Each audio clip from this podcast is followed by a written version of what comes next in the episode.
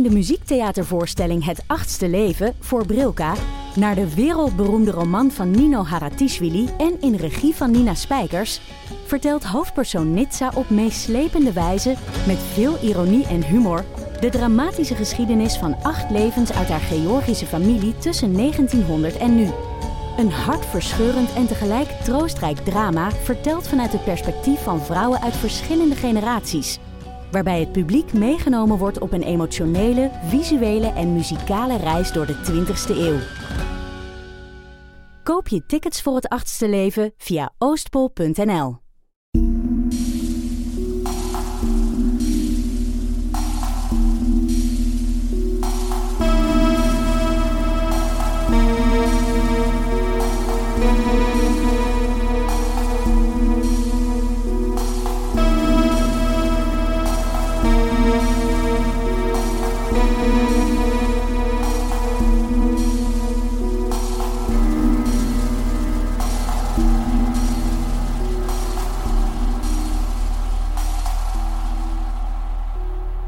Welkom bij aflevering 79 van De Volksjury. Wij zijn Laura en Silke. Hoe is het met u? Um, ja, sorry jongens, we gaan deze niet kunnen verstoppen. We, we, hebben al besproken wat dat we gaan vertellen, dus het is even een emotioneel moment. Met mij is alles heel goed. Ik, daar gaan we het straks over hebben. Hoe is het met jou? Um, beter, alvast Ja. wel. Um, wie ons volgt op, uh, op Instagram en op Facebook en zo, uh, heeft gezien dat uh, ja, we afscheid hebben moeten nemen van Mia, een van onze poezen. Uh, ja, twee weken geleden eigenlijk ondertussen al. Um, heel onverwacht, dus dat heeft heel veel verdriet uh, veroorzaakt. Um, dus ja, dat wouden we gewoon nog even meegeven dat dat uh, gebeurd is. May she rest in peace. Amai. Maar uh, het is nu twee weken verder. Uh, ook ik heb het een plaats moeten geven, ik ga daar eerlijk over zijn. Um, dat was een beetje mijn adoptie-kitty uh, na Baloo. En um, nu beeld ik mij echt in hoe dat Mia het echt bond aan het maken is in Cat Heaven. Ja, met Baloo samen. Ja, ja love it. Baloo wil sowieso niet spelen en gewoon slapen. En Mia is zo met haar poot op zijn hoofd haar kwam. fabulous ja, zelf. Ja, haar, haar fabulous zelf. Heeft sowieso al alle um, faciliteiten van de hemel uitgetest. Um, al goed rond gaan wandelen. Geen droge brokken meer. En nee, discotheek. Sowieso veel op stap geweest, al veel gaan feesten. Sowieso. Zal sowieso. doen zijn. Nee, maar ik wou gewoon de, de gelegenheid aangrijpen om, om te zeggen van, kijk, uh, Mia was een, een zwarte kat. En je hoort heel vaak uh, mensen die, die geen zwarte katten willen adopteren. Uh, omdat ze ja, voor twee rekenen, uh, redenen, hè, zo uh, bijgeloof natuurlijk, hè, dat zwarte katten ongeluk brengen. En twee, um, dat ze niet goed pakken op selfies. En als ik nog één keer iemand dat hoor zeggen, of dat daar een artikel van verschijnt, dat katten, zwarte katten niet geadopteerd worden omdat ze niet goed pakken op selfies. Mm -hmm. Ik zweer, ik doe ook iemand iets aan. Ze zwert doet iets aan. ik, doe, doe iemand iets aan.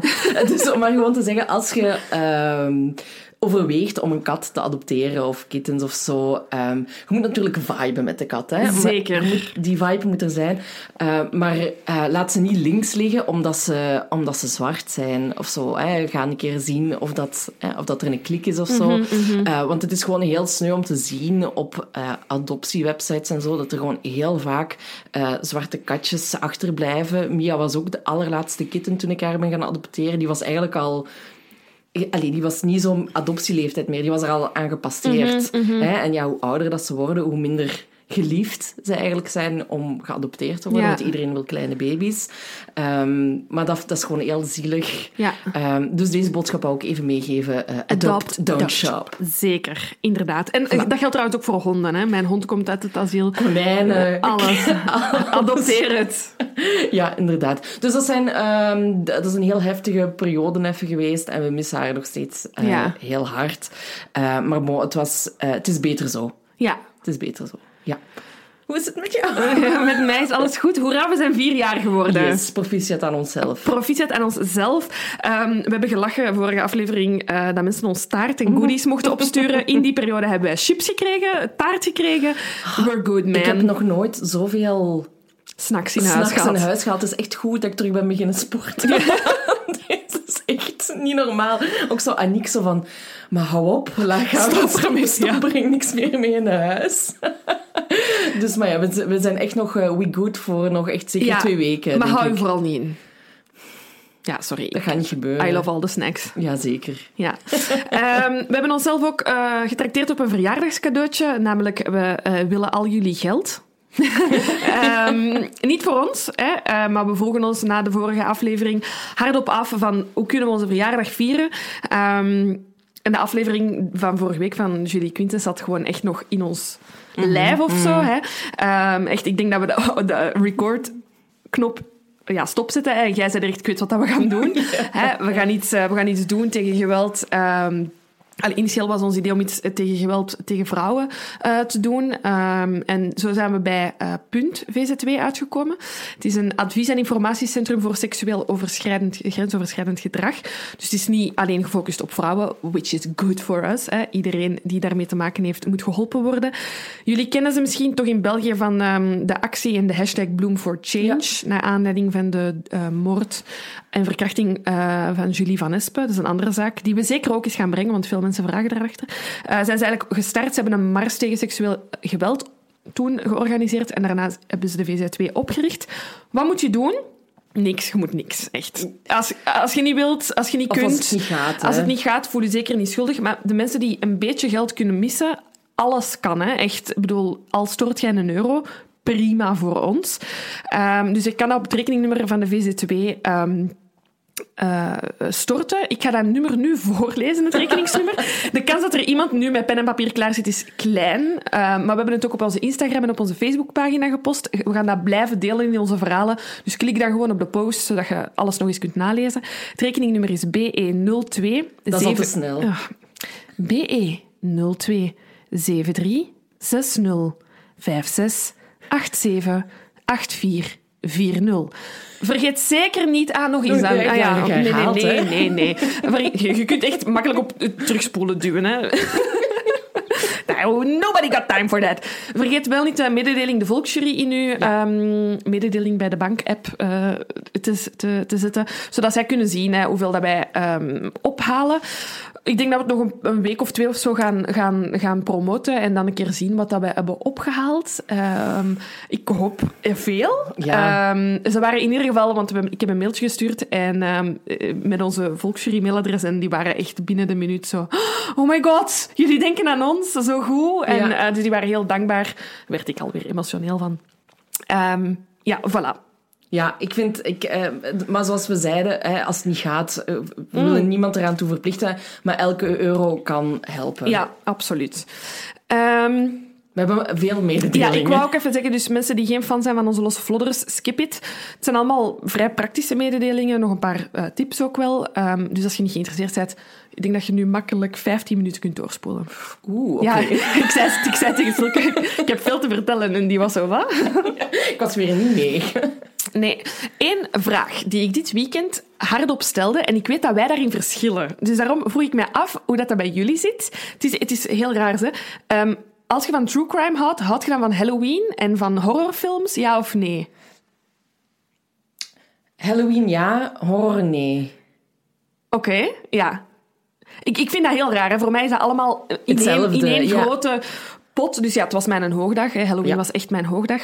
Mij goed laten gaan. Uh, dus um, ik had op voorhand in de, uh, de groep van Brussel gezien hè, dat mensen een, een lintje aan hun huis moesten hangen. Uh, zodat kindjes wisten oh, dat ze konden komen bellen. Ja, ik er los over gegaan. Pompoenen met licht in mijn voortuin. een bord gemaakt. Trick or treat, welkom.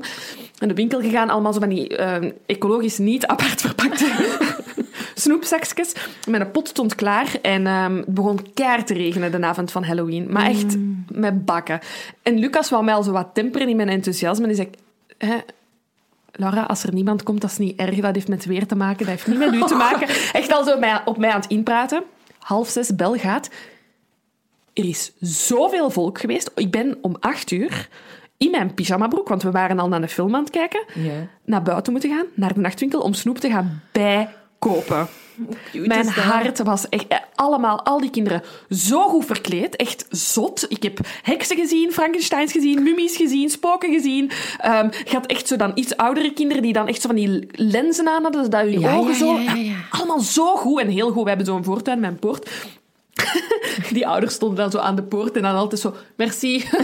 zo heel blij dat hun kinderen iets kregen. Uh, nee, ja, dus ik, ja, heel hartverwarmend. Ik word daar echt super gelukkig van. Ik heb dat vroeger maar een paar keer gedaan. Zo, ja, ik, ik, deed wel drie koningen. Ja, eh, wel. Maar ik denk, um, zonder vooroordelen te hebben over Brussel, want ik woon er, maar ik denk niet dat ik veel drie koningen zingertjes ga hebben. Zingertjes. Uh, maar ik weet het niet. Ja, ik heb weer goede hoop natuurlijk. Ik ga een grote kroon knutselen om op mijn moet voordeur te hangen. Moet je doen. Ja. Je hebt dan toch tenminste dat voor jezelf ja. gehad. Dat je, die, dat je dat hebt kunnen versieren en zo. Maar wel cool. Ja, ik heb voor, voor dit jaar ook voor de eerste keer echt zo met vrienden gevierd, verkleed geweest en zo. Anders laat ik dat zo wat aan mij passeren. I love it. Het is mijn favoriete feestdag. Ik meen dat. Fijn. Kijk, er is verjaardag en Halloween. Ja, maar daarom echt. Voor mij, oktober is echt hoogmaand. Ja, Halloween is... Er is niemand dood. Uh, er, zijn, er is niks heilig aan verbonden. Het heeft niks met het katholieke geloof te maken, dus dat is al goed voor mij. Mm -hmm. en niet dat ik zo'n ketter ben of zo, maar... Hè. Het is gewoon een feestdag waarin dat je je mocht verkleden. Love it. En er is snoep. Voilà, perfect. Prima. Meer moet dan niet zijn. Dus ik vroeg mij af, zijn er mensen die uh, Halloween niet leuk vinden en true crime wel? Bestaan ze? Ik weet het niet. Ik weet het niet. Laat maar weer weten, hè? Ja, laat, ik, ik moest daaraan denken van misschien is er iemand die zegt van nee, dat hoeft dan weer niet voor mij. Zo het gedeelte en zo misschien. Ja, maar ik heb ook zo niks met films zoals die een, uh, wat is dat, The Ring, waar dat zo'n mm. zo'n meisje mm. uit die tv komt gekopen en zo. Nee, maar zo suspense en zo vind ik wel oké, maar echt zo van die... Mm. Nee. Lucas haat dat dus ook, dus ik, als, ik, als ik alleen thuis ben, dan moet ik het ervan pakken en moet ik, moet ik horror kijken. Nee. nee. En dan dit weekend zei ik van ja, we moeten wel een horror, allee, of toch iets eng kijken. En hebben een film gekeken met zombies op een vliegtuig. En dat kon hij dan nog wel zo aan. Snakes on a plane, maar dan. Anders. Ja, maar dan. Nee, sorry, geen zombies, het waren vampieren. Ja. Hmm. Was het, was, het, was het eng? Nee, totaal niet. dat dacht ik al. Maar bon, ik ben ook echt zo, want ik heb Midnight Mass gekeken, jij ook, hè? Ja. En ik, dat werd toch echt verkocht als een horrorreeks. Ja, want ik was van plan om het niet te kijken, omdat het hè, horror was. En dan zo na ik denk dat ik vier afleveringen heb gezien en dan zo... Maar dan heb je het, het wezen wel gezien. Ja. ja. En dan, dat... en dan vond ik helemaal niet eng. Of... Nee, oké. Okay, nee. Ja. Nee. Dus ik kan het wel aan, hoor. Maar vroeger moest ik... Mm, zegt ze nu, zegt Maar vroeger was ik echt mega bang. We, hebben het onlangs nog over gehad, we zijn er heel anders in. Hè? Als ik nu alleen thuis ben, we hebben grote ramen, ik ben echt panisch dat er iemand voor het raam staat of zo. Of dat, allee, hè, ik ren soms nog naar mijn bed. Ja, kan ik zo, me echt niet voorstellen. de kamer naar de andere kamer. En dat is echt iets wat ik van in mijn jeugd uh, al heb. Ja, ik ben echt, ik ben echt bang. Oké, oké. Dan, uh, er zijn... Ja, we dachten ook altijd dat ons leven minder druk ging zijn na het boek en alles, maar dat is dus niet het geval. Uh, we hebben echt een paar drukke maanden weer voor de boeg. Hè. November hebben we weer goed geregeld. Hebben we weer goed geregeld. Um, maar het voordeel is wel... En ik heb echt al kriebels in mijn buik jullie kunnen ons ontmoeten, ja. eindelijk. Um, we hebben dit weekend, het, het weekend van 6 en 7 november, heel wat dingen gepland. Ik ga ze ook even opsommen. Again, staat ook op Instagram. Vind je op de website, die ga ik ook allemaal mee vermelden. Um, sorry, het is alleen in België, dus niet in Nederland voorlopig. Um, op 6 november gaan we naar Gent. Daar signeren we in de FNAC van Gent van 14.30 tot 15.30 uur. Het boek zal daar te koop zijn, maar ik ga ook boeken signeren die je meepakt van thuis, als je dat wilt. Dus dat kan perfect. Die 6 november gaan wij om uh, half zes door naar de Krook in Gent. Dat is de bibliotheek van Gent. En daar gaan we een uh, talk hebben uh, over ons boek. Um, we hebben wel al bericht gekregen dat, dat, dat, het uitverkocht is. Um, misschien dat, je nog, dat er mensen eh, coronagewijs of gewoon ziektegewijs mm. nog gaan afzeggen. Dus dat kunnen we niet. We kunnen het niet garanderen. Um, en daar, van deze twee evenementen kan je alles terugvinden op de website van 9000boeken.be. En dan de volgende dag uh, doen we uh, de tour in Antwerpen. Daar starten we op het Leesboekenfestival. Dat is in de expo van Antwerpen. Daar moet je een ticketje voor kopen. Niet per se voor ons, maar gewoon voor het hele festival gebeuren. Daar signeren we van 14 uur tot 15 uur. Ik heb niet opgeschreven op welke stand. Je die vraag is al gekomen, maar dat weten ja, we niet. Nee, nee, jullie zullen wel... Ja, ongetwijfeld wel van de boek. Ongetwijfeld weten we dat wel, maar heb ik dat niet opgeschreven. Uh, maar daar zijn we ergens. Zoek ons, hè, tussen 14 uur en 15 uur. Daar kan je alle info ook vinden op leesboekenfestival.be.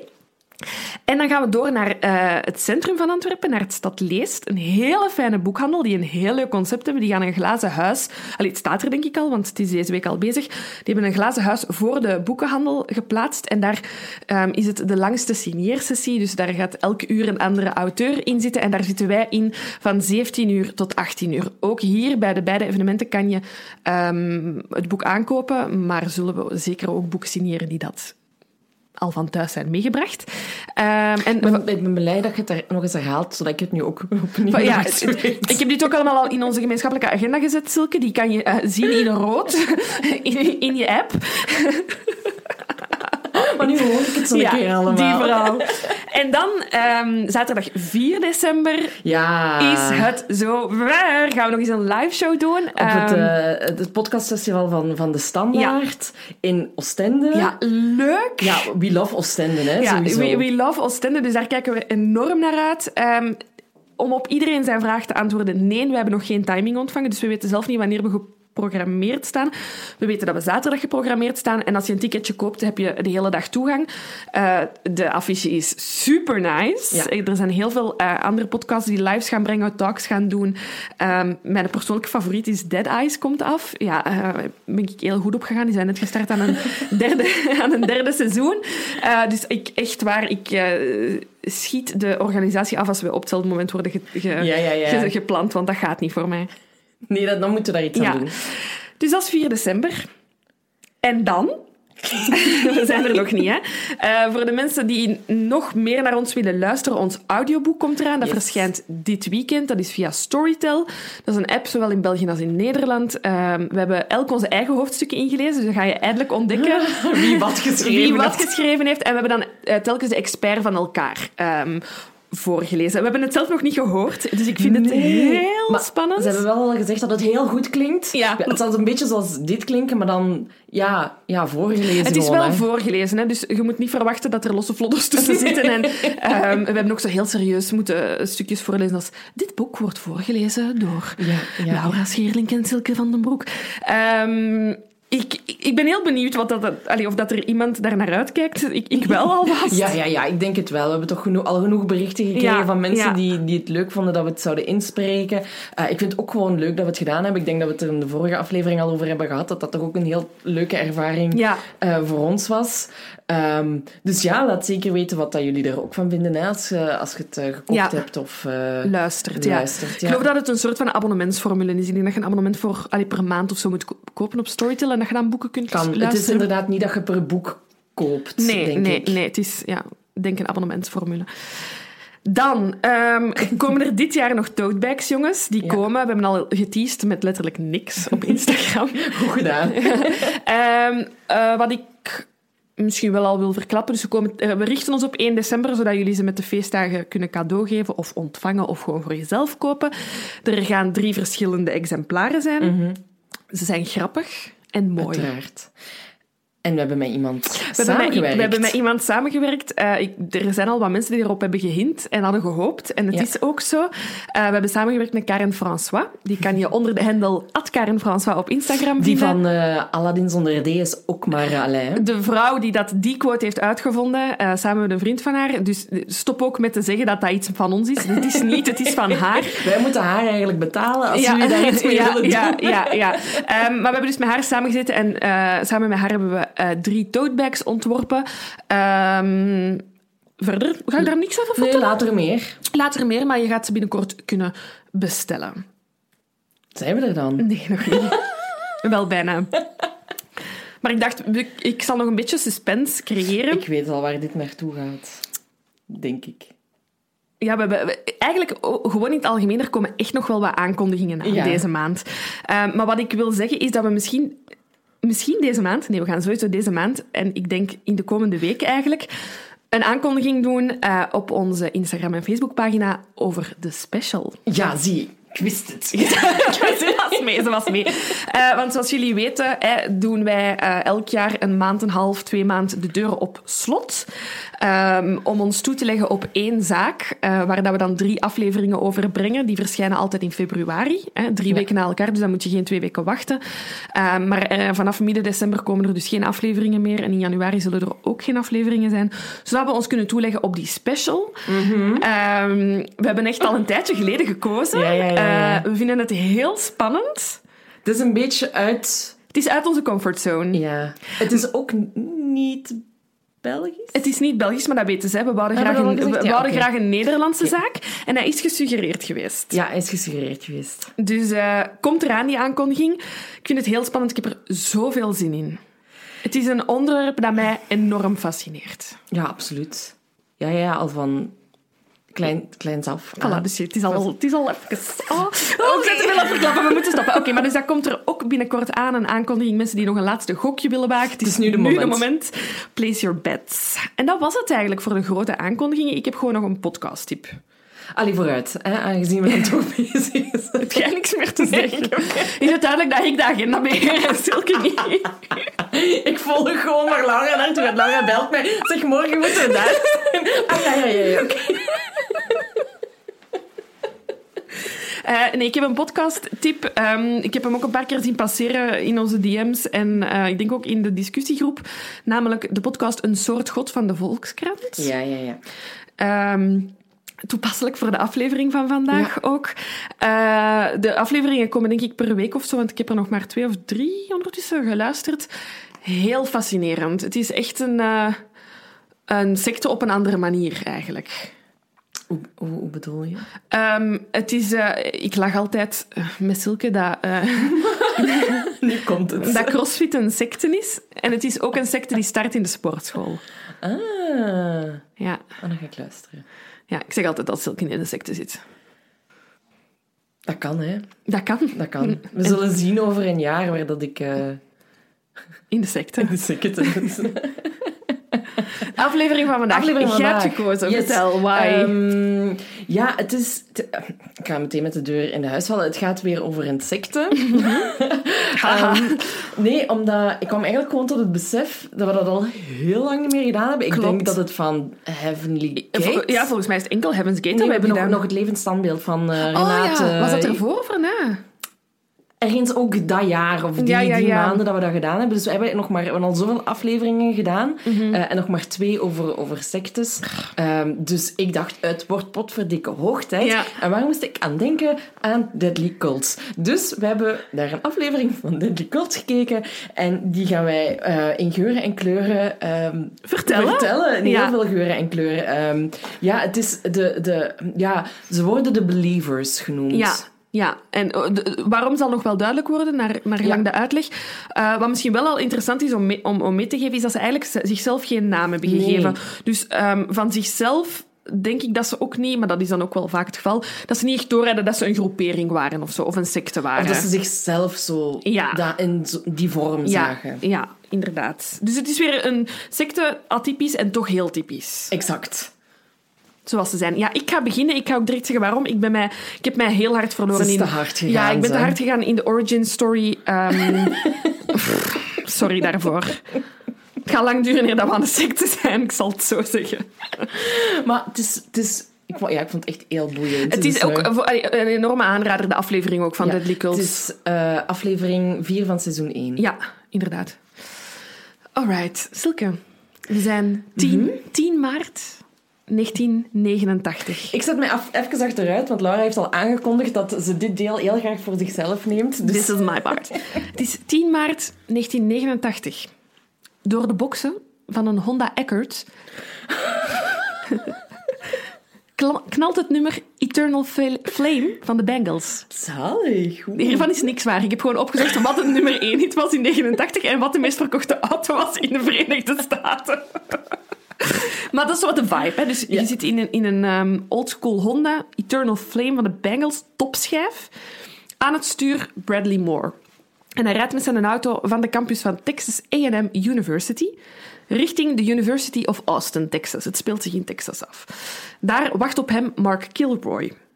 stapt in zijn auto. Ze rijden door naar Santa Fe, het dorpje waarvan ze afkomstig zijn. En daar stappen Bill Huddleston en Brent Martin ook in de auto. Zo very 80s namen, hè? Ja, ik wou nu ook zeggen, the boys are back in town. en de vier kennen elkaar van in Santa Fe. Ze hebben daar samen op high school gezeten. Ze hebben basketbal en baseball gespeeld. Ze zaten in de sportsteam.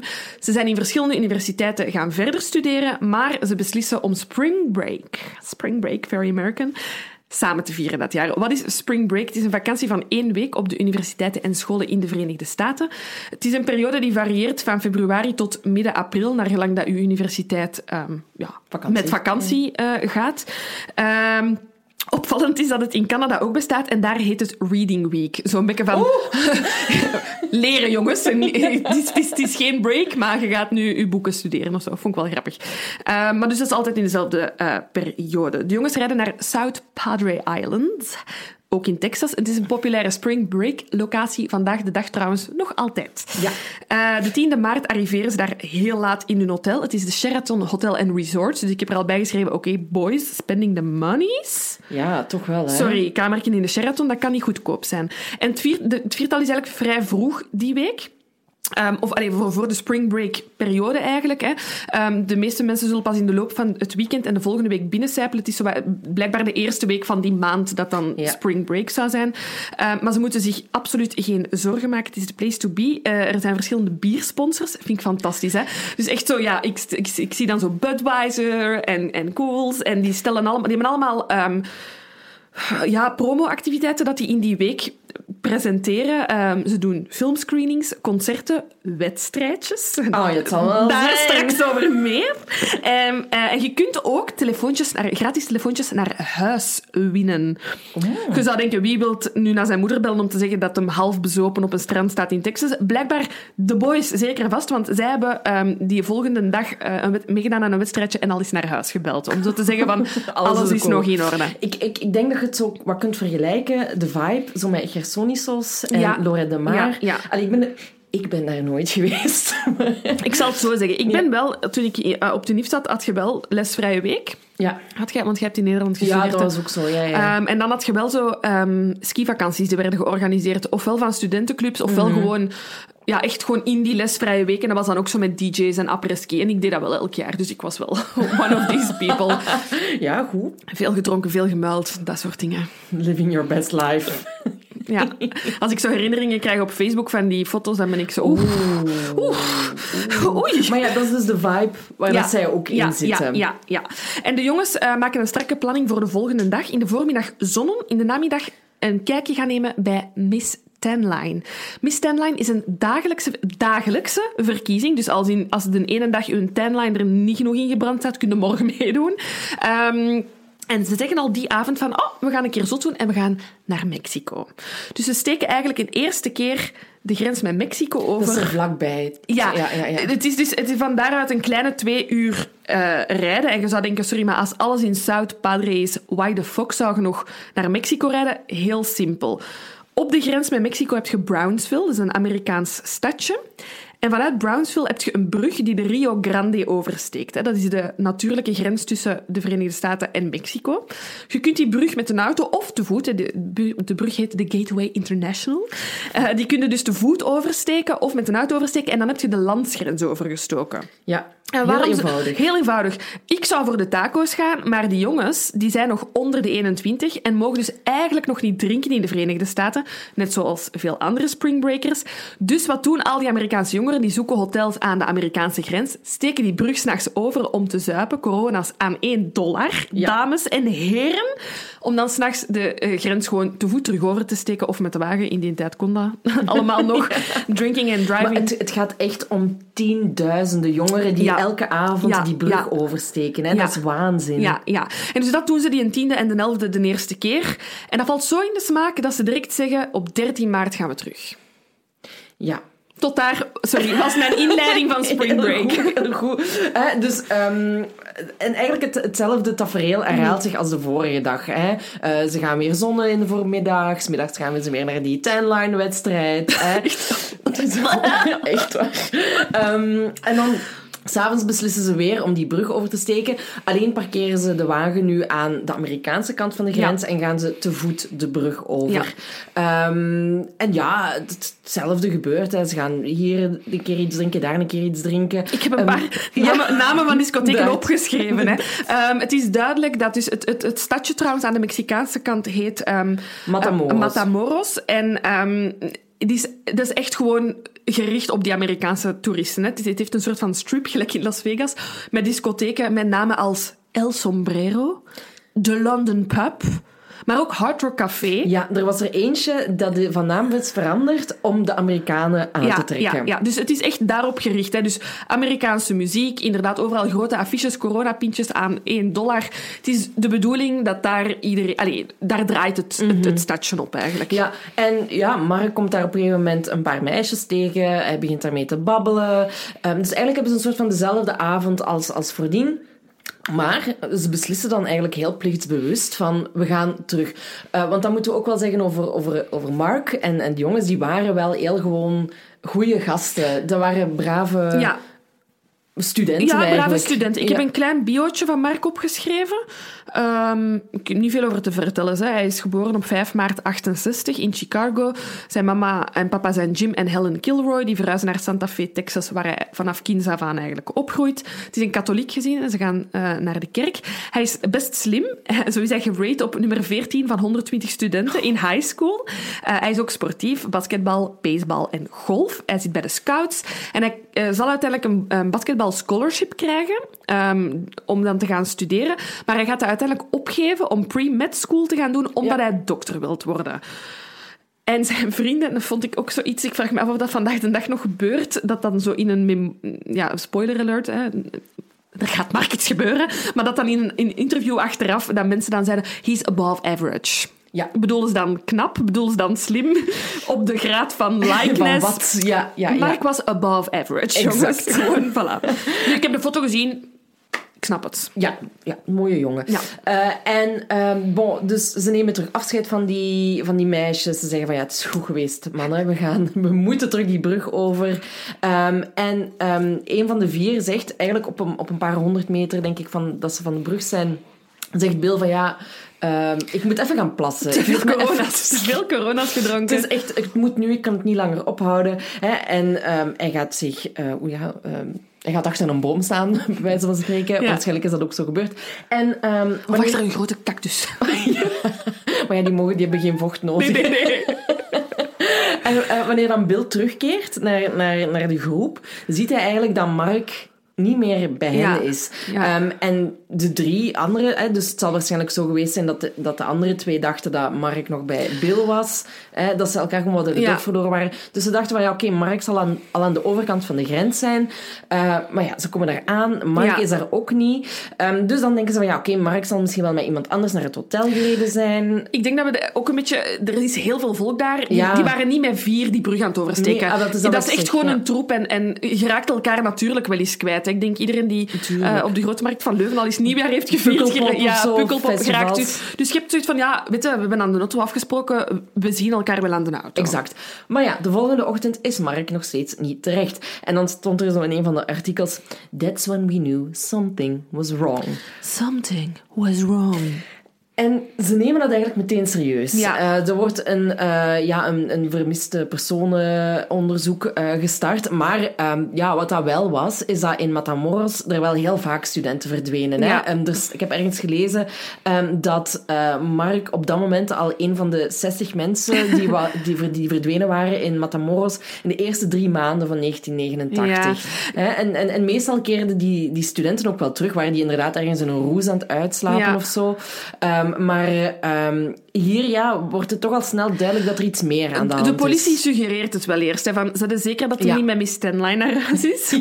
Effectief gesuggereerd geweest. um, en ze hebben dan zoiets van, ja nee, dat is gewoon niet wie Mark is. En dan wordt het echt wel direct inderdaad vrij serieus genomen. Ja, omdat... Omdat, dat is niet erg. Omdat um, Mark, zijn oom, dat is uh, Ken Kilroy, die werkte aan de douane of voor de douane. Een belangrijke functie had hij uh, in Los Angeles. Dus die zegt van, oké, okay, um, er, er moet eigenlijk wel iets gebeuren, want het is een belangrijke familie. Mhm. Ehm, hè, Amerikaanse familie, hè, verdwenen in Mexico. Dat voelt de zijn, vibe dat zijn geen goede papieren, hè? Ehm, maar ehm, ja, ze, de politie begint dan ook al te denken van oké, dit is niet zomaar een verdwijning. We denken dat er iets meer aan de hand is, dat het in verdachte omstandigheden is.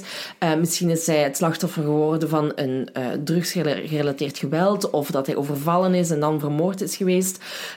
Maar ja, de sporen lopen heel snel dood. Hè. Ja. Ze, ze, ze delen nog wel posters uit in, in ziekenhuizen en Ja. in, in gevangenissen. Maar echt veel, hè? Ja, want het zijn ook vooral de ouders eh, Ja. die dat trekken. Hè? Ja. James en Helen. James en Helen die zijn eigenlijk ja, vrij snel naar Brownsville, dus de Amerikaanse kant van de grens, zo zijn ze dan wel, denk ik, eh, gevlogen. En daar, delen ze, eh, daar, daar starten ze hun actie met 20.000 flyers. En ze geven een beloning weg van 15.000 dollar voor een goede tip. Voor een goede tip alleen nog maar. Hè? Dus niet voor het lichaam of, of, of voor hun levende zoon, maar echt gewoon voor een tip. Dus Ja. het is wel duidelijk dat er een beetje geld zit achter de Kilroys. En wat ik ook heel interessant vind aan het onderzoek is dat er eh, een, ehm, eh, een, een hypnose aan te pas komt. Ja. Ehm, ja, in de hoop dat dat ook eh, ja, een paar tips zou op, opleveren. En een van de vier jongens, eh, een van de andere drie die in, in het groepje zat, Brian, die vertelt onder hypnose eigenlijk dat hij Mark voor het laatst heeft zien spreken tegen een jonge...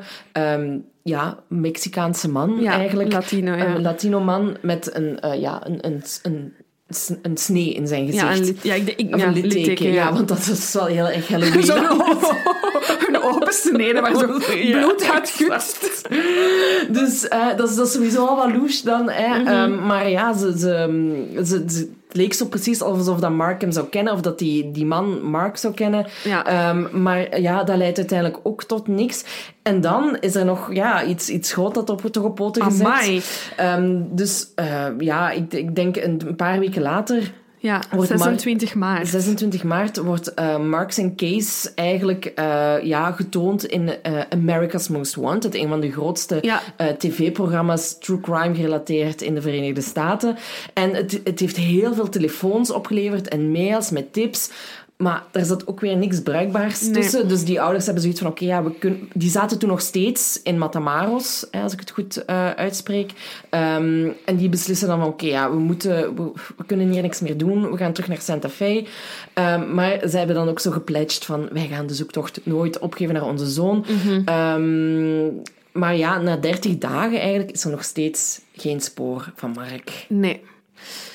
En dan lijkt het totaal ander nieuws. Hij kondigt de Mexicaanse en Amerikaanse douane een, begin april een heel grote drugsactie aan. Ze zeggen van, kijk, we gaan de grensovergangen blokkeren en we houden de auto's tegen. Ehm, we zijn op zoek ehm, naar ja, drugstrafiek eigenlijk. Er worden 1200 agenten voor ingeschakeld, 12 helikopters en 30 vliegtuigen die die grensovergangen gaan controleren. Dat is niet niks, denk ik dan. En zo op een mooie ochtend in april rijdt er een Mexicaanse wagen dwars door de wegblokkeringen heen van de drugscontrole. Politie die zijn met voldoende, dus die hebben zoiets van no way. Die achtervolgen de wagen en ze kunnen de auto aan de kant zetten. Ehm, over dit stuk hebben we, denk ik, in elke bron iets anders gevonden. Ja. Dus we gaan vertellen wat we denken wat ons het logischste lijkt. Het gaat over, er er zitten mensen in de auto, wie het zijn en met hoeveel ze zijn, dat, dat verschilt van bron tot bron. Ehm, wij denken dat ze met twee zijn, toch? Ja, inderdaad. Ja. Wel, wat, wat we zeker, waar we- wij denken zeker van te zijn, is dat Serafin Hernandez Riviera... Of Garcia heb ik. Oh, ja, kijk, hier gaan we. Ja, er is een andere die ehm Hernandez Rivera heet. En Serafin heet, is, heet Hernandez Garcia. Ja, die een Elio is. Ja, ja, oké. dus, ja. Maar we zullen zeggen Elio en Serafin. We denken ofwel één van beide, ofwel beide, of apart. Maar eh, ofwel Elio, ofwel Serafin zat achter het stuur van die een auto. Ehm, en die worden aan de kant gezet, want ja, die zijn dwars door de drugsblokkade gereden. Ja, dat is toch een beetje verdacht. Waarom deden ze dat, Silke? Wel, ehm hij dacht dat hij eh, onzichtbaar was. Ja. Kijk, je gaat het zeggen zoals het is. Ik kan het niet anders worden. Hij dacht dat hij onzichtbaar was en dat hij ook bulletproof was. Ja. Hè? Dus dat kogels hem niet konden raken. Ehm, nu, ehm, ze worden verhoord. Ja. En Serafin geeft eigenlijk al heel snel toe... Druk, druk en hypnose was niet nodig bij hem. Nee, absoluut niet. Ehm, is dat er eigenlijk ehm, dat hij onderweg was naar een ranch, een beetje verder buiten Matamaros, ehm, waar dat zijn familie eigenlijk, hè, die ranch in bezit had. ja. En, en dat daar eigenlijk ja, drugs gedeeld werd, marihuana werd er gedeeld. Gewoon Dus toegeven. Gewoon toegeven. Hè, maar ja, hè, hè, hij is onzichtbaar en bulletproof. Hè, dat is, eh, kan ook wel iets verklaren. Ehm, dus ja, de politie gaat er uiteraard naartoe. Eh, ze onderzoeken heel, ja, heel die ranch. En ze vinden eigenlijk al snel 30 kilo eh, marihuana op, Mhm. het, op het terrein. Ehm, en ja, ze beslissen van, kijk, we gaan hier iedereen eens verhoren. Want u weet wat we hier nog te weten gaan komen. Ja. En, dan, En ook ja, de conciërge ja, wordt de, de ranch caretaker. Ja. eh, Ja, ik heb eh, dat vertaald als conciërge. Ja, maar dat is, een goeie, dat is inderdaad dat is een goede. ehm, een goede ver- vertaling, denk ik. Concierge wordt tegengehouden ehm, en wordt meegepakt eh, voor verhoor. Ehm, het is duidelijk dat die mens er niet echt iets mee te maken heeft met die drugshandel. Ik denk dat hij eerder zoiets had van... Ik zie het, ik negeer het, ik doe wat aan mij hier gevraagd wordt. En die mens begint wat te babbelen. En ineens, zo beeld ik me dat in. Ik weet niet of het zo is gegaan, hè. Maar ik zie een ondervragingsruimte waar dat dus de conciërge zijn uitleg aan het doen is. En recht tegenover die conciërge zitten de agenten. En achter die agenten hangt zo'n groot prikbord met allemaal missing, Missing. eh, posters. Oké, jij ziet hetzelfde als ik. ja, absoluut. En die conciërge is zijn uitleg aan het doen en ineens heeft hij zoiets van... Die wijst. Ja, maar ook zo random, zo... Maar echt, dus dit is wel echt gebeurd. Hè. Ik beeld mij gewoon de setting in. Die wijst naar een affiche en die zegt, ik ken die jongen. En hij wijst naar de affiche van Kilroy. Van Mark. Ja. ja. Dus die agenten hebben zoiets al van... mm, Hoe, hoe, wat is de connectie hiermee? Want die dat was totaal ongerelateerd. Hè. Ze waren Ja. daar gewoon op zoek naar drugs. Ja. Ze, waren, ze wouden die mensen gewoon verhoren van wat weten ze over die drugshandel en toestanden. En opeens gaat het hier over Mark. En ehm, dus die speurders, hups, terug naar de ranch. eh, terug wat onderzoek eh, gaan doen. En ehm, ze treffen daar ook een schuur aan. Mhm. Ergens op die ranch. ehm, waarin het eigenlijk heel erg hard stonk, eh, wordt er gezegd. Eh, en in het midden van de schuur zien ze dat er een metalen ketel staat en daar zitten stokken in, maar ook botten van dieren. Ja. Eh, en in, de, in, de, in de, de aflevering van Deadly Cults zeggen ze, de ketel zat zo vol dat het wel soep leek. Nu, voor die Amerikaanse speurders die daar ter plekke zijn gekomen, die denken, ja, wat de fuck is deze? Maar Ja. de Mexicaanse speurders, die hebben zoiets van...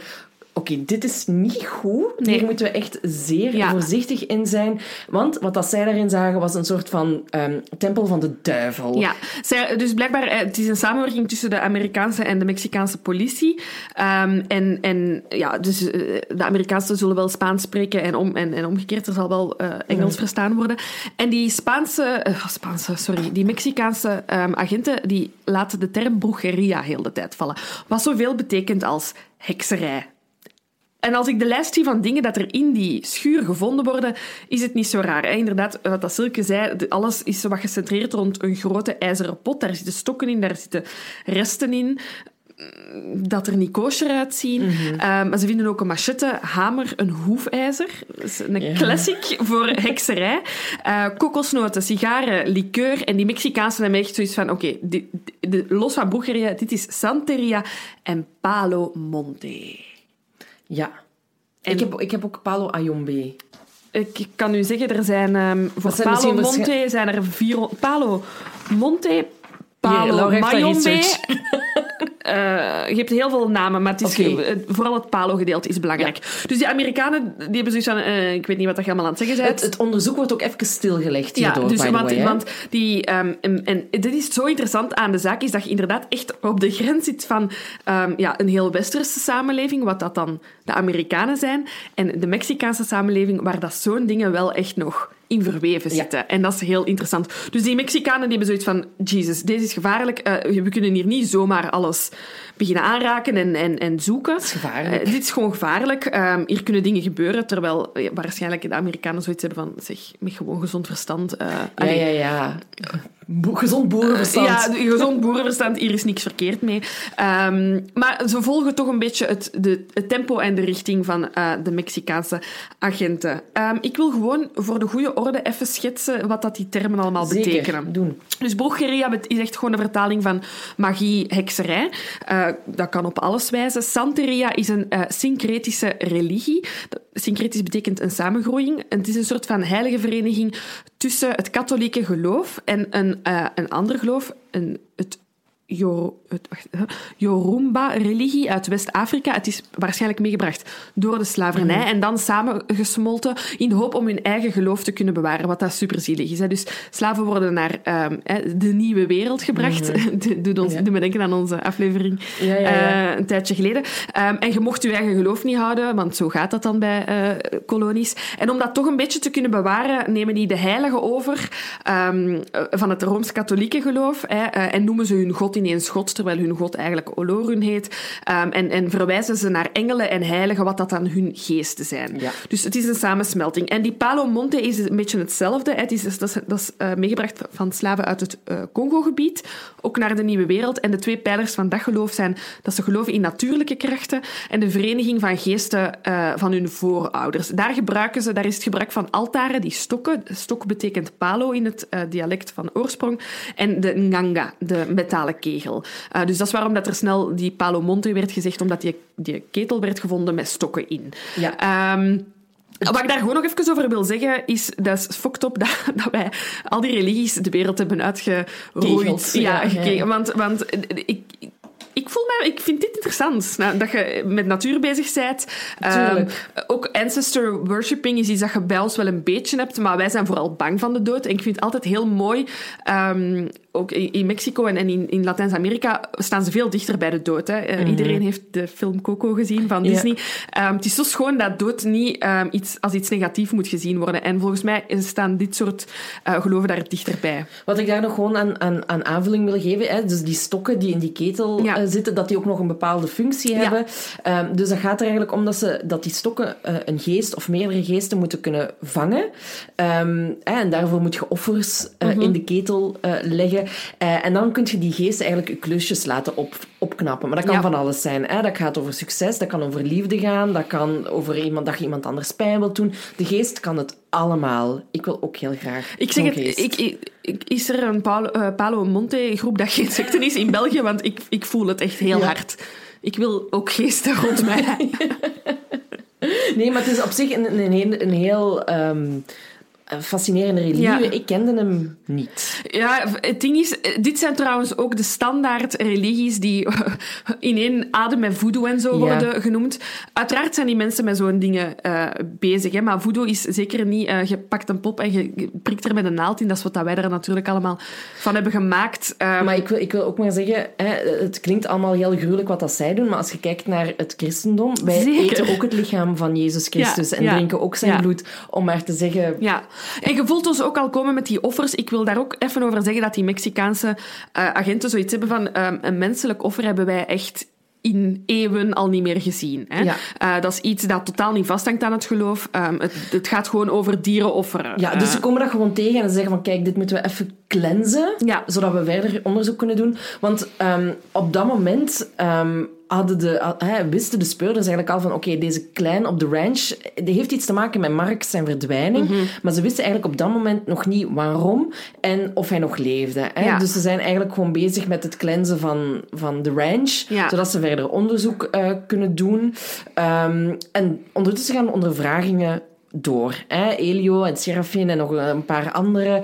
Ehm, niet alle namen worden ook genoemd in, Nee, de, in nee. de research dat ik heb, heb gevonden. Maar laten we zeggen dat, dat er een, een max een, een tiental personen zijn. We Exact. spreken hier niet over honderd mensen op Nee, de het zijn er een tiental inderdaad. Dus die, die geven dan opeens toe dat ze eh, Mark eh, ontvoerd hebben en geven ze ook toe dat hij dood is. Ehm, Serafin heeft dan ook aan de speurders verteld waar zijn lichaam eh, gevonden kon Maar het is worden. ook niet moeilijk te vinden, hè? Nee, nee, nee, nee, ze hebben hem... Ja, ja, Ja, ze hebben hem gewoon niet super diep, Die, diep begraven. Dus rond die eh schuur, Sheik, ehm, eh, zouden, ehm, zullen meerdere lichamen worden aangetroffen. Eh, maar wat opvallend is, is dat er een stuk ijzerdraad ook altijd naar, naar buiten steekt. Hè. Dus ehm, de goedgelovige ik zou daar zijn zo... Oh, die, die hebben iets geplant en die, dat is om, om, om dat plantje mee naar boven te laten groeien. Niets is minder waar. Hè. Dus Mark zijn lichaam, net als helaas andere lichamen, liggen heel ja, eh, vlak onder de oppervlakte met maar een beetje aarde op eigenlijk. Ja. Dus ja, dat stinkt. Dat hadden ze wel al door. Ehm, en daar stikt dus een stuk ijzerdraad uit. Waarom? Als het lichaam gecomposteerd zou zijn ehm, en er zouden enkel been, beenderen overblijven, dan konden ze aan de hand van die ijzerdraad dat makkelijk eruit trekken en dan konden ze van die beenderen, die ze hadden aan de ruggengraat vastgemaakt, konden ze daar een ketting mee maken. ja, kijk. Praktisch. Heel goed. Nu, Heel goed. Heel goed voor hen. Uh, nu, de, uh, dus, het is ook Serafin die, dat, die het lichaam van, van mm -hmm. Mark uh, opgraaft. En aan de hand van, van het gebied van Mark kon ze inderdaad bevestigen van oké, okay, dit is inderdaad de, de, jongen naar wie we op zoek waren. Maar Serafin die begreep eigenlijk niet zo goed waarom dat de spelers zoveel drama aan het, aan het maken waren over Mark, de Amerikaan. Want, zo zei hij, er, ligt, er ligt hier nog een lijk en er ligt daar, daar ook een lijk en daar, daar. ligt ook nog Dus what's the problem? Ja. Um, dus ze zijn, ja, zoals gezegd, in die, van die uh, ondiepe graven uh, gaan, gaan zoeken. En ze zijn ongeveer tussen de 12 of 15 uh, mm -hmm. mannelijke uh, slachtoffers tegengekomen, waaronder dan ook het lichaam van Mark. Um, en ja, dit is weer een heel gruwelijk uh, fragment, uh, om het zo maar te zeggen. Uh, sommige slachtoffers waren gedood met messen, andere waren nee, doodgeschoten, andere waren dan weer verbrand, andere waren opgehangen. Um, er, ja, ze waren eigenlijk gewoon echt ook gemarteld. Harten waren eruit getrokken, hun oren, ogen, teelballen waren Hersenen, verwijderd. alles, alles, alles, alles. Er was zelfs iemand onthoofd. Um, en ja, in totaal zie ik nu hier dat het er inderdaad uh, rond 15, allez, om Ja. 15 slachtoffers zou gaan.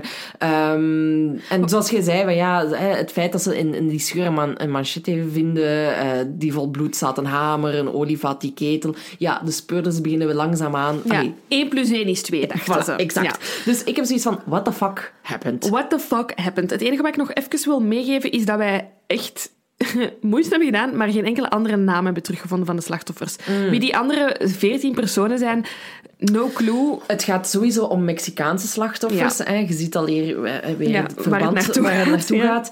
Ehm, en dat gaat... ehm, wat dat ik heb gelezen, is dat ze waarschijnlijk wel de mensen kenden die ze hebben vermoord. Maar Mhm. Ja. ik, heb, ik heb daar later nog wel wat meer Ja, over. en het, zou, het is ook niet dat het ehm, een tijdspanne van jaren is. Het is dus duidelijk dat de lichamen elkaar snel hebben opgevolgd. dat is misschien al goed om mee te geven. Ja, eh, die politie heeft zoiets van, ja, wij moeten terug met die Serafin gaan praten, want die is toch nog niet gestopt met Nee, die blijft maar Die heeft gaan. alles hier al verteld, hoeveel mensen hier liggen, wie, wat, hoe. Ehm, dus ze gaan naar die Serafin en ze hebben zoiets van, ja, heb jij iets te maken met die dood? En ze oh, eh, vermoord? Nee, dat heb ik niet gedaan. Nee, nee, Ik niet, nee, dat heeft El Padrino gedaan. Ja. Sorry, wie? El Padrino. En dan gaat er natuurlijk weer een alarmbelletje af bij die speler van wie is die El Padrino? Ehm, dus ehm, ze komen erachter dat het om de, om de 26-jarige Adolfo de Jesus Constanzo gaat. 26. Ja. En de, zijn rechterhand, Sarah Aldrete, een 24-jarige studente, 24. ja, die eigenlijk, die eigenlijk dan weer bekend stond als Elma, of El Madrino, of Ja, hè, de, ja. de, de godmother, of de heks Ja, El eigenlijk. Padrino betekent dus Godfather. Ja. Eh, zullen we even een klein bioke over eh, Klein Adolfo biootje. en Sarah? Ik wil even dat iedereen zich even terug herinnert hoe dat een bio was van Mark. En dat je dan nu luistert naar de bio van de Al Adolfo. En dan kun je denken, amai, het is toch belangrijk waar dat uw bedje staat. dus Adolfo Constanzo, Adolfo de Jesus Constanzo, die eh, was, is geboren in Florida, in Miami. Ehm, en eigenlijk, ehm, zijn moeder heeft drie kinderen in totaal, maar telkens bij een andere man. Dus die Ja. thuissituatie was verre van eh, ideaal. Zijn mama was 15 toen dat, de, Toen dat hij, hij geboren is. is, ja. Ja, dus eh, Adolfo is eh, ja, katholiek eigenlijk eh, opgevoed. Heeft ook als ehm, dienaar allee, in de kerk Gewerkt, gewerkt. ja, gewerkt ja. is niet het juiste woord misschien. Maar zijn mama was ook heel erg into voodoo. En ze nam hem mee naar Haiti om daar eigenlijk ook kennis te leren maken met die praktijken. Ehm, en als tiener gaat hij daar eigenlijk in verder. Hè? Hij gaat eigenlijk naar eh, een lokale eh, sorcerer, eh, wordt het dan genoemd, die, die hem eigenlijk... Ja, waar dat, die zijn mentor eigenlijk wordt. Ja, hè? ja. Ehm, en hij begint daar eigenlijk... ik leert daar Palo Mayombe kennen, wat dan ook natuurlijk met dieren... eh, offers te maken Ja, heeft. ja. En, ehm, Ja, maar ik, heb, het- ik heb, sorry, ik wil even. Ja, ik heb ergens gelezen op, dat hij op jonge leeftijd inderdaad al regelmatig eh, dieren levend ving om die Ah. te offeren.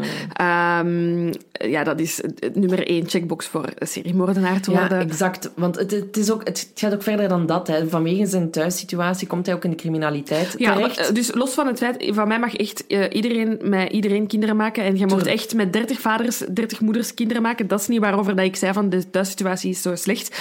Ehm, maar de- zijn mama komt amper rond en ze moeten, ja, vanaf kinds af wordt hij eigenlijk betrokken ehm, bij diefstal. ehm, Vandalisme. Ja, ja, vandalisme. Gewoon om te kunnen overleven. Hij- zijn laatste ehm, brengt hem ook in contact met de drugswereld en drugsmokkel. Eh, ja, hij is dan nog minder, minderjarig, eh de Adolfo El Padrino.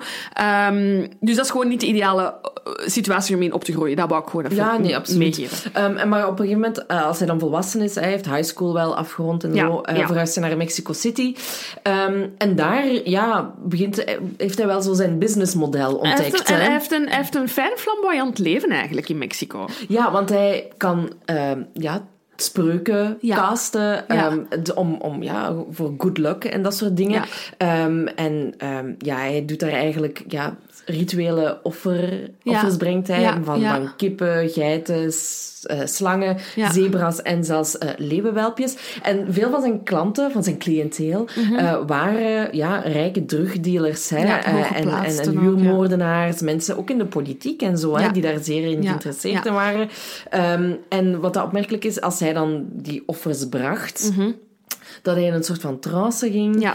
En dat hij in een soort van onbekende taal eh, begin, ja, begon te spreken. Hij bewoog Ja. heel wild. En hij zou dan die geest, hè, die hij dan eh, had gevangen, ja. eh, had opgeroepen, kanaliseren, ehm, zodat die, die taken kon Ja. Adolfo heeft daar inderdaad een beetje zijn businessmodel ontwikkeld. Want het is, hij, hij, hij, hij trekt die mensen aan omdat hij zegt van... Als ik die offers voor jullie breng, hè, of jullie betalen mij om die offers te brengen, eh, dan zorg ik inderdaad ervoor dat jullie... Hè, tegen drugsdealers zal hij dan zeggen... Hè, dan zorg ik ervoor dat de politie jullie niet vindt. Hè, of eh, dan zorg ik er- ervoor dat eh, die, die deal doorgaat. Hè. Dus hij linkt eigenlijk zijn offers aan de business van zijn klanten. Mhm. Ja, en het is eigenlijk op, op die manier dat hij ook in aanraking kwam met de familie van Serafin en Elio, Ja. de Hernandez-clan, om ze zo te noemen. En ehm, ja, die waren eigenlijk wel zo meteen smitten voor eh, Alfonso. Hè? Ja, want, want dus, eh, in eerste instantie kunnen ze wel nog meegaan. Hè. Je kunt zeggen van, eh, ja, net zoals dat je een weesgegroetje hè, als katholiek gaat doen Ja. in de kerk om geluk te krijgen of een kaarsje gaat branden voor een examen. Ehm, hè, zo onschuldig kan het, allee, is, het. En, en hij, hij doet dan een ritueel. Hij zal dan misschien inderdaad een keer een kikker in een pot steken. En jij hebt misschien geluk. En ik denk, vanaf dat dat één keer lukt, ja, hangt u daaraan vast. Hè? En dus Ja. ik denk dat die Serafine, die clan, eh, de Hernandez-clan, ja, die, die zitten diep in die drugstrafiek. en die zullen wel eens een paar goede momentjes hebben gehad. Ja, wat, wat, dat, wat ik heb gelezen is dat wat, wat Alfonso beloofde ook uitkwam. Ah, wel, ja, hè? dat, hè, ja. Mhm. En niet één keer, maar meerdere keren. En daarboven was Alfonso dan ook nog eens heel erg charismatisch. Dat is echt wel... Hè, als we de bingo willen doen van een cultleider. Hij was charismati- charismatisch, hij droeg gouden kettingen. Grote man, had veel geld. En dus, wat dat hij zei, kwam ook uit. En hij heeft dan een soort van deal kunnen maken Mhm. met de Hernandez-clan van... Oké, ik krijg de helft van de drugshandel en in ruil zal ik voor bescherming zorgen via de rituelen van Paolo Mayombe. En ja, opeens ging het heel goed hè, met de clan, met hun drugshandel. Ja, en die, ja. die hebben geen seconde meer getwijfeld aan wat dat Alfonso allemaal Nee. ja, verkondigde. Nee, en dus dan zijn ze eigenlijk op een moment dan uit Mexico City weggetrokken ehm, om dan in Santa Elena te gaan wonen, wat dan naast eh, Matamoros, Matamaros, Matamoros, ik weet het al niet meer. Eh, Matamoros. ja, is. Ehm, en ja, hij, hij verhuist mee, hè. Ja, inderdaad. Ehm, maar het, het, het wordt steeds... De offers worden steeds groter. Maar weet je wat het... Ik denk ook, dus die drugsbusiness gaat omhoog. Want ja, ze hebben geluk dankzij die offers. Ehm, en, en er, er verzamelen zich ook eh, stilletjes aan toch een beetje meer mensen. Hè? Dus je hebt een Elio en een Serafin. Eh, we hebben de namen niet van de anderen, maar ja, er, er is toch zo een clubje van een tiental mensen rond hem. Ehm, en ja, het is zijn show, hè. El Padrino, we weten ook niet... Ik, ik heb niet teruggevonden wanneer ze hem zo zijn beginnen noemen. Nee. Maar hij, hij staat aan het hoofd en iedereen hangt aan zijn lippen. En het wordt inderdaad groter en spectaculairder. Hè. Ehm, ze, ze zeggen het heel mooi in die Deadly Cults. Hè. Dat begint met een kip en dan wordt dat een geit en dan wordt dat een koe en dan een mens. Ja, ja, ja. Want het, een mens is beter dan, Ja. een, ja, dan een koe. En hè, Ja, die, hoe groter je offers, hoe meer bescherming dat je waarschijnlijk gaat krijgen. Hè. Ehm, dus ja, een mens. Maar ze gaan eigenlijk in eerste instantie gewoon eh, naar eh, begraafplaatsen. Ze gaan Ja. naar botten en Ja. opgraven en toestanden. Om in hun ganga te steken. Hè, Ja. In die gietijzeren ketel. Ehm, maar dan kwamen ze toch tot de vaststelling, of maakten ze zich de bedenking, zou het niet beter zijn voor de geesten als we levende mensen zouden offeren? En die geesten zeiden zeker. doen we. Hebben we nodig. Dus ze komen tot de consta- constatering, we hebben ja, levende menselijke offers nodig. In plaats van die eh, oude botten, dat we altijd maar gaan opgraven. Ehm, en ja, dat heeft ervoor gezorgd dat we al aan die andere slachtoffers Ja. eh, zitten. Ja. Ehm, totdat, ze dan, eh, totdat Adolfo dan op een gegeven moment beslist van ja, kijk, ehm, een brein hebben we eigenlijk ook wel, eh, kan ook wel interessant zijn. Ja. Eh, maar daar zullen we straks misschien Ja. nog eh, dieper op ingaan. Ik wil Misschien even hoe ze die mannen lokken. Hè? Want alle slachtoffers zijn mannen. En er is één figuur die we Ja. daar straks even hebben... Exact, exact. Is altijd goed als we, als we toch op hetzelfde moment bij hetzelfde uitkomen. Hè? Dus we hebben daar straks Harald Terloops even vernoemd. Ja, Maar ons Sarahke. ons Sarahke. Even over Saratje. Doe maar. Eh, wacht, want ik heb haar een naam. Moet jij nog wat kava hebben? Dat mag zeker. Ehm, en jij ook een achternaam van ons Sarahke. Aldrete. Ja. Juist, Moet oké. doen? Nee, nee, nee, nee, nee. Sarah Aldrete is een 24-jarige student. Ehm, en wat bijzonder is, is dat zij eigenlijk enerzijds...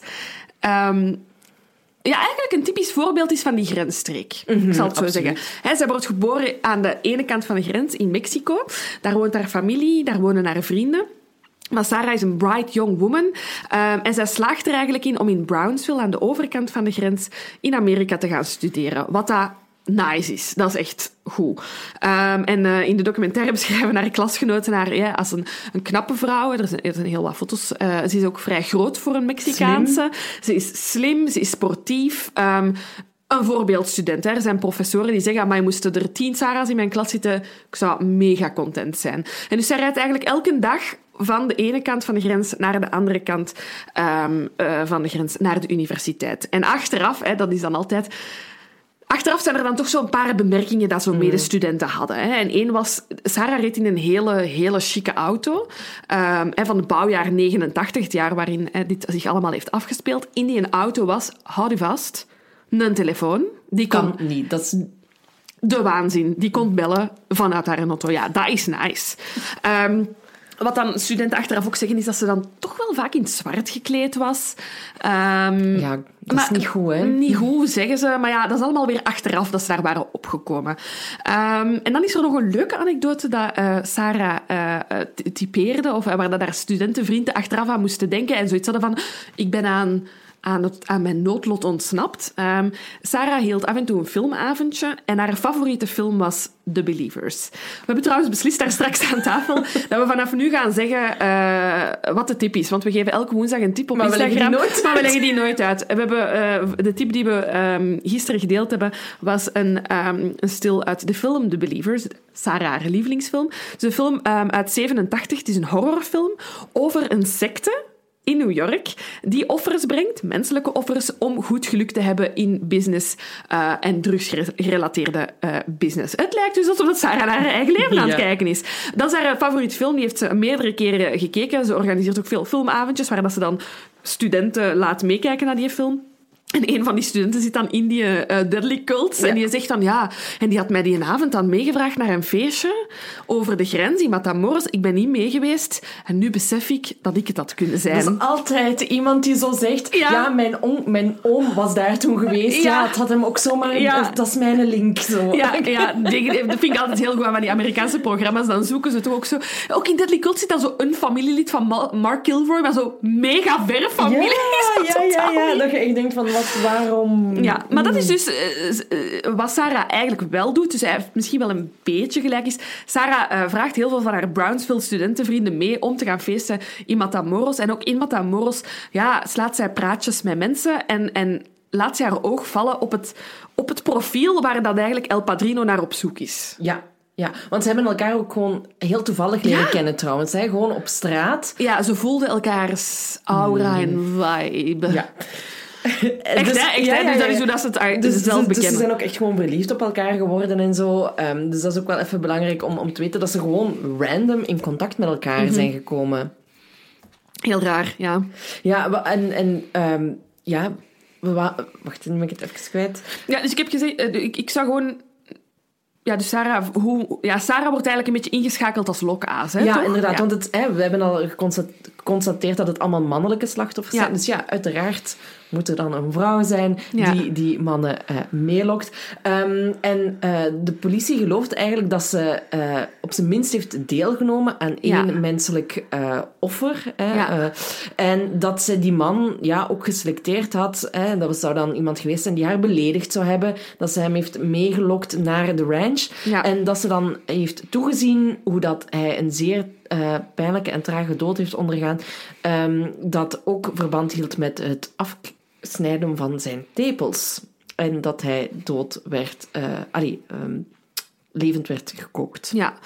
Dus Sarah wordt eigenlijk zo wat ingeschakeld ja, als lokaas, zeg maar. Misschien belangrijk wel om te zeggen is dus ja, we hebben Serafine en de Hernandez-klanten die daar bekentenissen aan het doen zijn.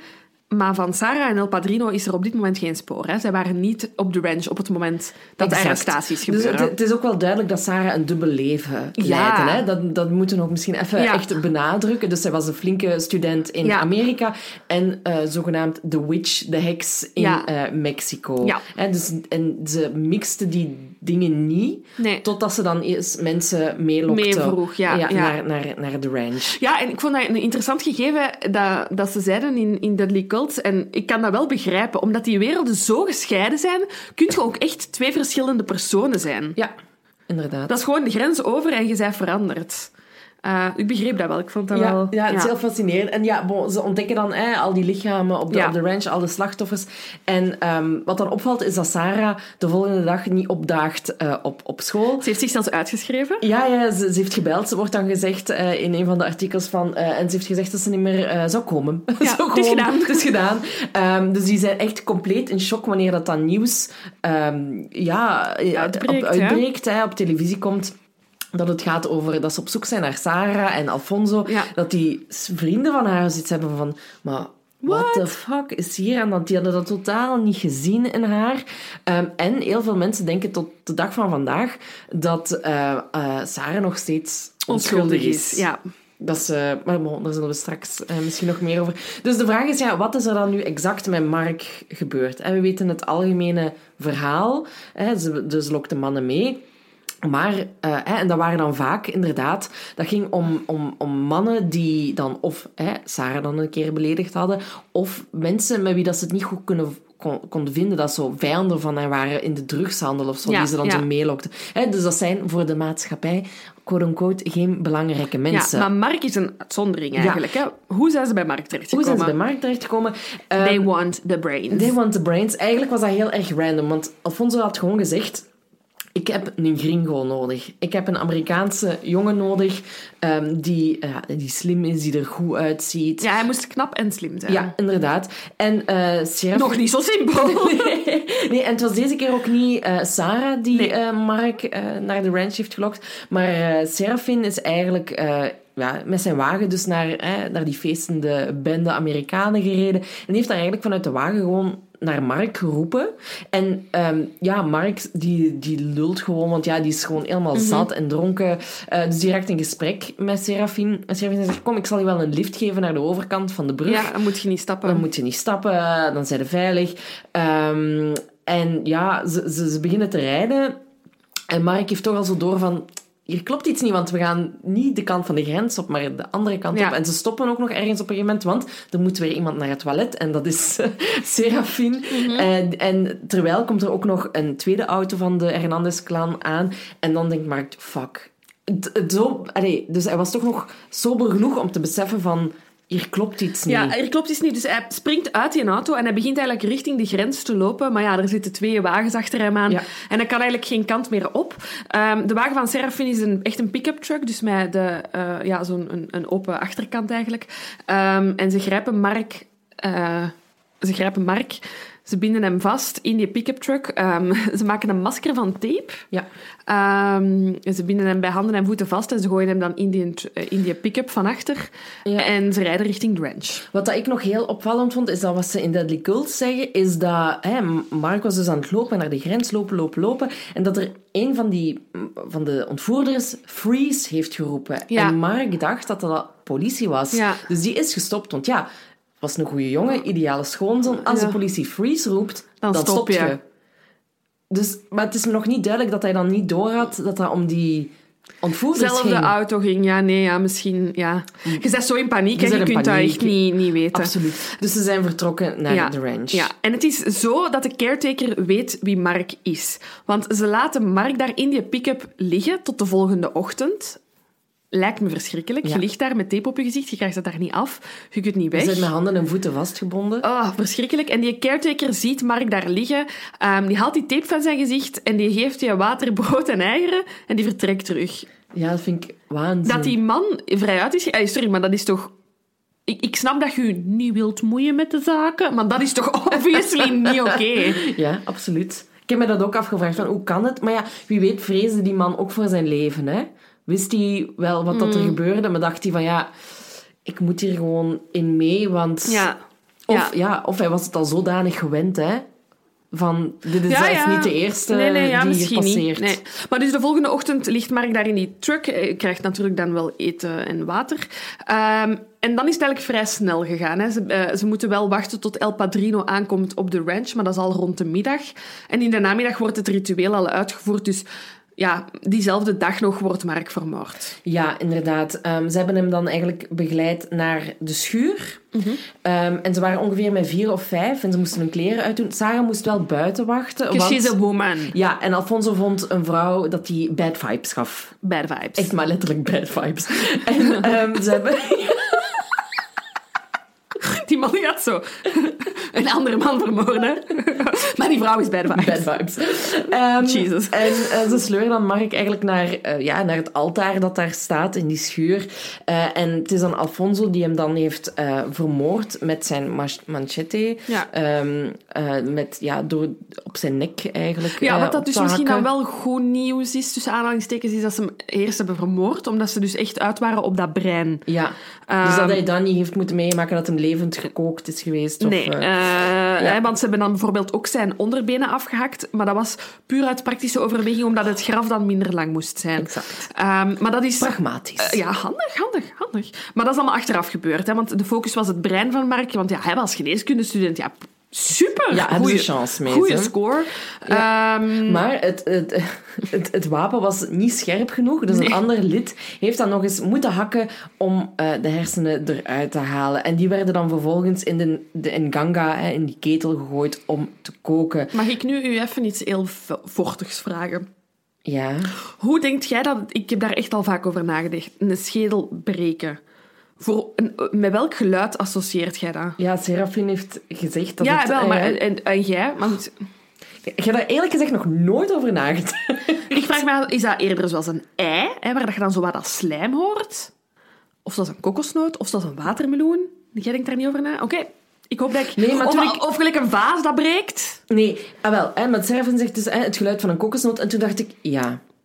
En toen dacht ik, ja. Ja, maar dat kan ik mij, dat kan ik mij inbeelden. Ik kan zo'n ei, daar denk ik dat het dan, dat dat een ei dan weer te fragiel is. Ja. En, want, allee, ik Maar denk heb- je schedel dat dat, dat dat ook fragiel is, maar niet zo fragiel als een ei. Nee, nee, maar in mij gaat het vooral over dat sliminess, dat je niet in een kokosnoot, daar zit water in. Ah ja, zo, de- het gaat de- over de sliminess. Allee, snap je het, het, het geheel, hè, het geluid van... Sorry, jongens. maar ik vraag me daar echt af. Ik wil dat weten. Ah wel, als er weer mensen zijn... ehm, Heeft er al iemand eens een schedeltje opengeknald? Maar niet met een wapen, hè. Ik bedoel echt open, gelijk dat je tikken eiken open doet, hè. interessante vraag. Voilà, ik vroeg het me af. Dus daarom dat ik soms meer neig naar een watermeloen. Too much information. Ga door. En ik denk, want dat ben ik niet... ehm, heel, ja, hebben ze dat dan ook nog opgedronken of zo, dat ze dat koken? Of laten ze dat gewoon erin zitten Nee, nee, en dat gewoon stokken? weken. En dan die stokken daarin om. Dat is gewoon om de Dus ze, aan te trekken. Ze, ze consumeren zelf Nee, niks, hè? nee, want dat zeiden ze ook, dat er geen cannibalisme... Er was Nee, geen juist, sprake van cannibalisme. Klopt, klopt, klopt. Ehm, dus ja, dus na dat ritueel hebben ze dan eh, Mark begraven, hè, met zijn benen eraf gehakt om... eh, IJzeren draadje aan de, aan de spine voor die ketting achteraf. Maar ik snap, niet, ik snap niet hoe dat je daarin mee kunt gaan. Ik word al kotsmisselijk bij het Maar dat is mijn grote vraag, hè. Dat is echt mijn grote vraag bij deze cult.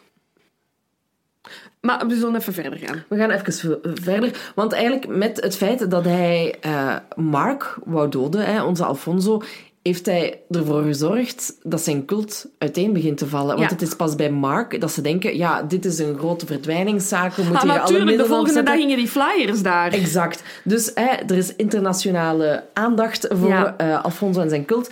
En de dag dat de lichamen worden eh, gevonden, is hij en eh, Sarah en nog een paar andere leden gevlucht. En ze zijn eerst naar Brownsville gegaan, wat ik al heel riskant Dom, vind. dom, dom. Ehm, en dan zijn ze van eh, Brownsville eh, via eh, Texas naar Mexico City gegaan. Dus ze, zijn- ze zijn Met van... vliegtuig Met trouwens, het hè. vliegtuig. Maar ik denk dat dat wel een, een valse naam had opgegeven. Ah, oké, want ik hè. vroeg mij echt af... Ik, ik, ik, weet dat Interpol nog niet bestond, waarschijnlijk. Ehm, maar ja, je had nog... Allee, digitale wereld bestond nog niet, hè. Dus als er op je paspoort een naam stond, ja... Exact. Who knew? Maar ja, hij is dus naar Mexico City gevlucht, waar hij dan een appartement had, waar dat ze blijkbaar niks eh, van wisten, ook niet de speurders. En Sarah zit er dan Oh, ook. ja. Hè, en nog enkele anderen. En er gaat echt een maand voorbij en die twee, die worden maar niet gevonden. Ja, Mexico City is groot en ze pakken het goed aan. El Padrino zelf hè, komt niet buiten. Eh, er gaan mensen hulpjes voor hem boodschappen doen.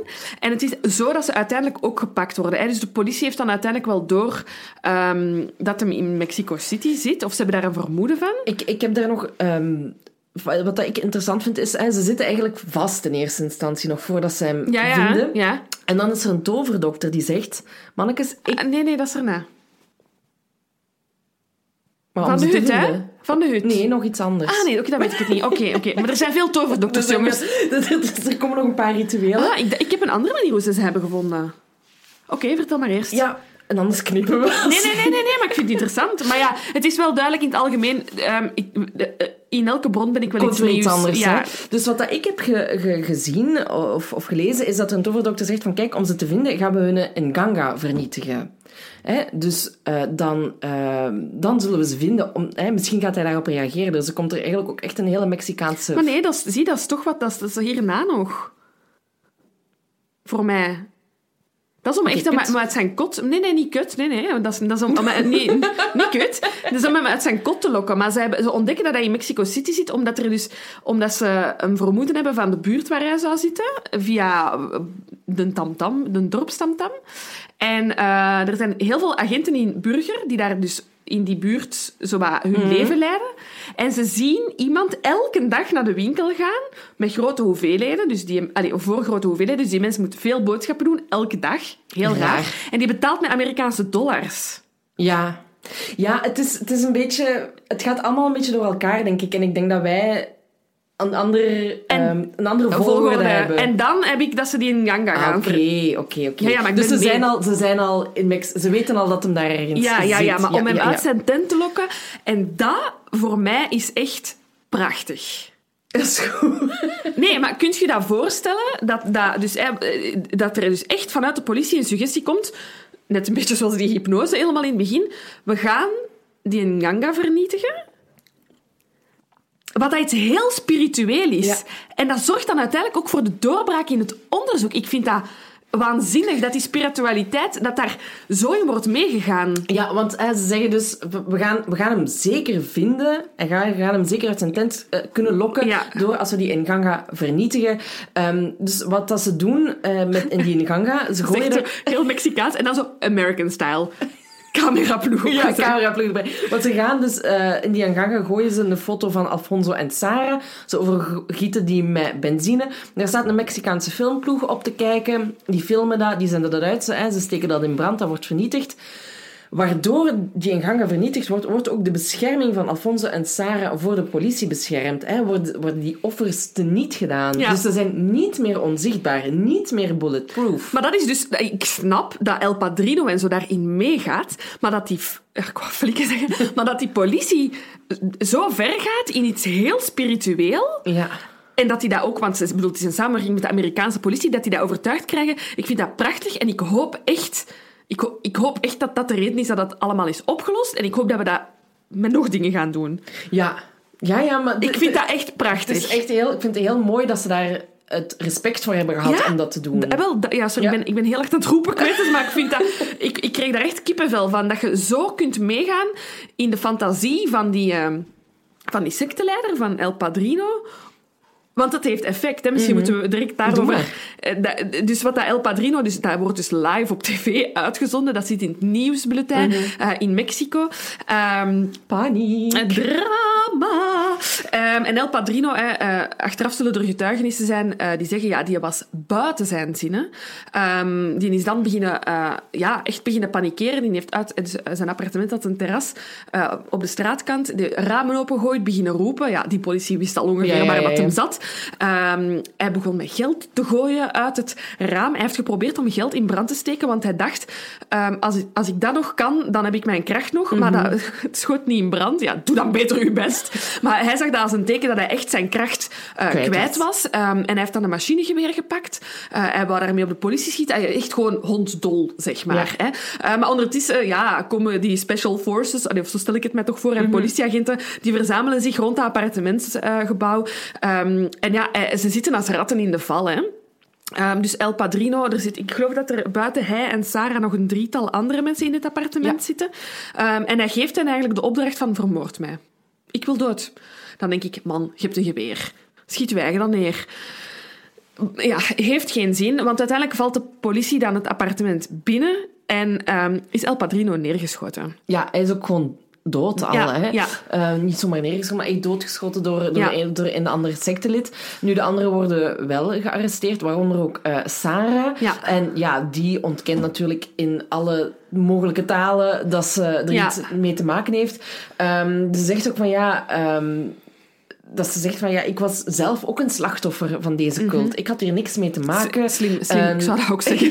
ze hebben me echt als een gevangene behandeld. Ehm, maar ja, de politie blij, die, die trappen daar niet in. Die, die blijven er echt van overtuigd dat ze echt de rechterhand was van Alfonso. Ehm, en dat ze op zijn minst een van de victor, vi- slachtoffers... Ik heb hier dan toch een naam nog gevonden. eh, Gilberto Sosa. Dat zal dan diegene zijn die haar had eh, beledigd. Ja. Dat ze verantwoordelijk is voor zijn dood. Ja. En eh, zij is dan alsnog veroordeeld tot een gevangenisstraf van 62 jaar. En, ehm, ja, maar zij blijft dus haar onschuld volhouden. En Serafin en andere leden kregen dan ja, een celstraf van, eh, ik denk, ja, ongeveer 65 jaar. Ja, inderdaad. Ehm, dus de rest heeft meer gekregen dan haar, vind ik heel raar. Ehm, in de aftermath, ik heb hier nog Want zo... dit is nu heel snel gegaan. Hè. Opeens hè, hebben ze Ja, op meer dan en een maand tijd hebben ze het... eh, maar sorry, we kunnen wel stellen dat het in brandsteken van, het, van, het, ja, van de offerplek eigenlijk wel echt tot een doorbraak heeft geleid Absoluut. in het onderzoek. En... ehm, ik, ik, echt, ik, ik roep niet op om bij de politie iemand met een wichelro- wichelroede in dienst te nemen. Maar misschien wel door zo dat meegaan in die manische gedachten, want dat is wat het is. Hè. Ehm, hè, we, we blijven wel zeggen Palo eh, Mayombe en zo, maar dat heeft niks met dat geloof te maken. Hè. Nee, nee, nee, Ehm, nee. Hij heeft zich daarop geïnspireerd en dan heeft hij dat verdraaid naar zijn eigen fetische, zeg maar. Hè, want ik bedoel, dit is een seriemoordenaar en secteleider puur sang.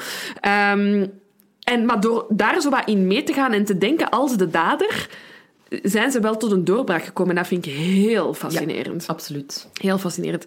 Ehm, ik had hier nog wat dingen Dus nasleep. ja, een beetje nasleep. Ehm, is, eh, we hebben ooit de, de zaak van eh, de eh, West Memphis Tree gebracht. Ehm, en er is na deze zaak, het is ook een beetje dezelfde periode, een beetje een gelijkaardig eh paniekske.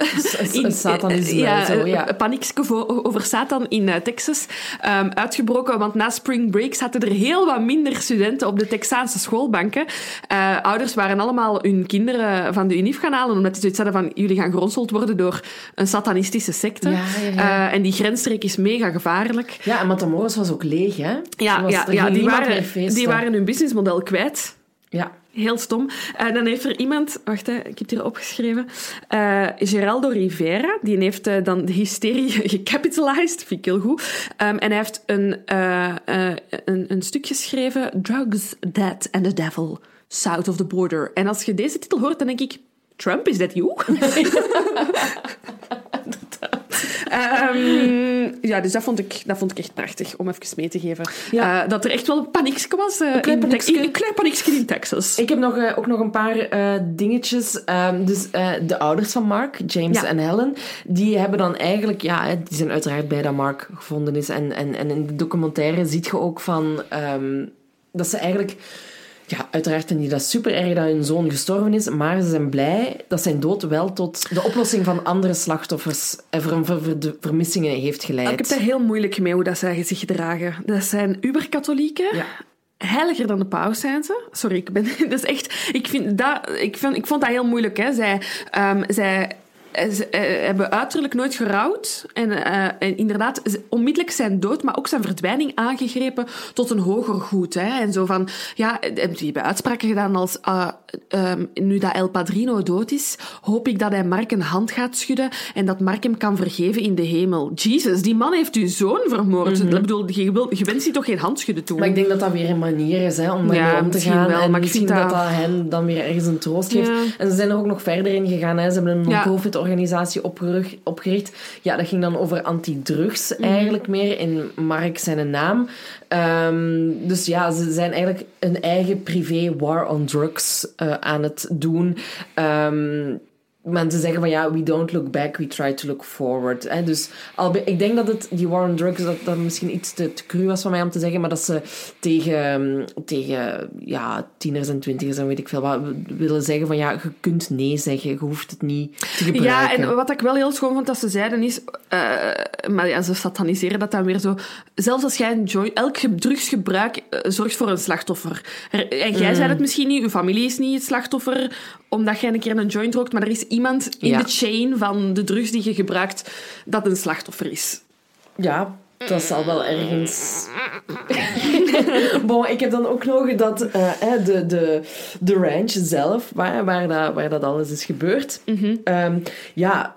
Ze hadden dan wel al bepaalde delen gereinigd, maar ja, in zijn geheel was dat echt nog het, ehm, de hel gewoon. Hè? Ja, de, hellhole. het, het huis van de duivel. Ehm, dus ehm, ja, ze hebben daar eigenlijk ook een soort van reinigingsceremonie gehouden. Oh, one quiet Sunday afternoon stond er in het artikel echt zo.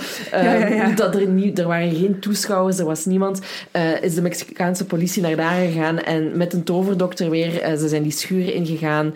Ze hebben wat spreuken eh, gemompeld. eh, Bezout op, het vloer, op de vloer gegooid. echt. En ze hebben een, eh, het kruisteken gemaakt en dan hebben ze het in brand gestoken. En ehm, het, is, ja, het is vernietigd geweest en nu zijn alle, is alle Ja. zwarte magie daar weg.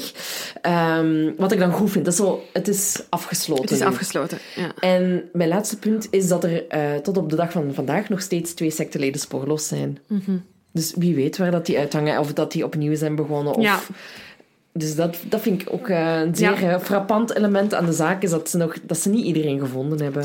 Ik heb nog twee dingetjes. Ehm, ja, enerzijds is dat Matamoros echt eh, ja, zijn businessmodel heeft kwijtgespeeld. Hè.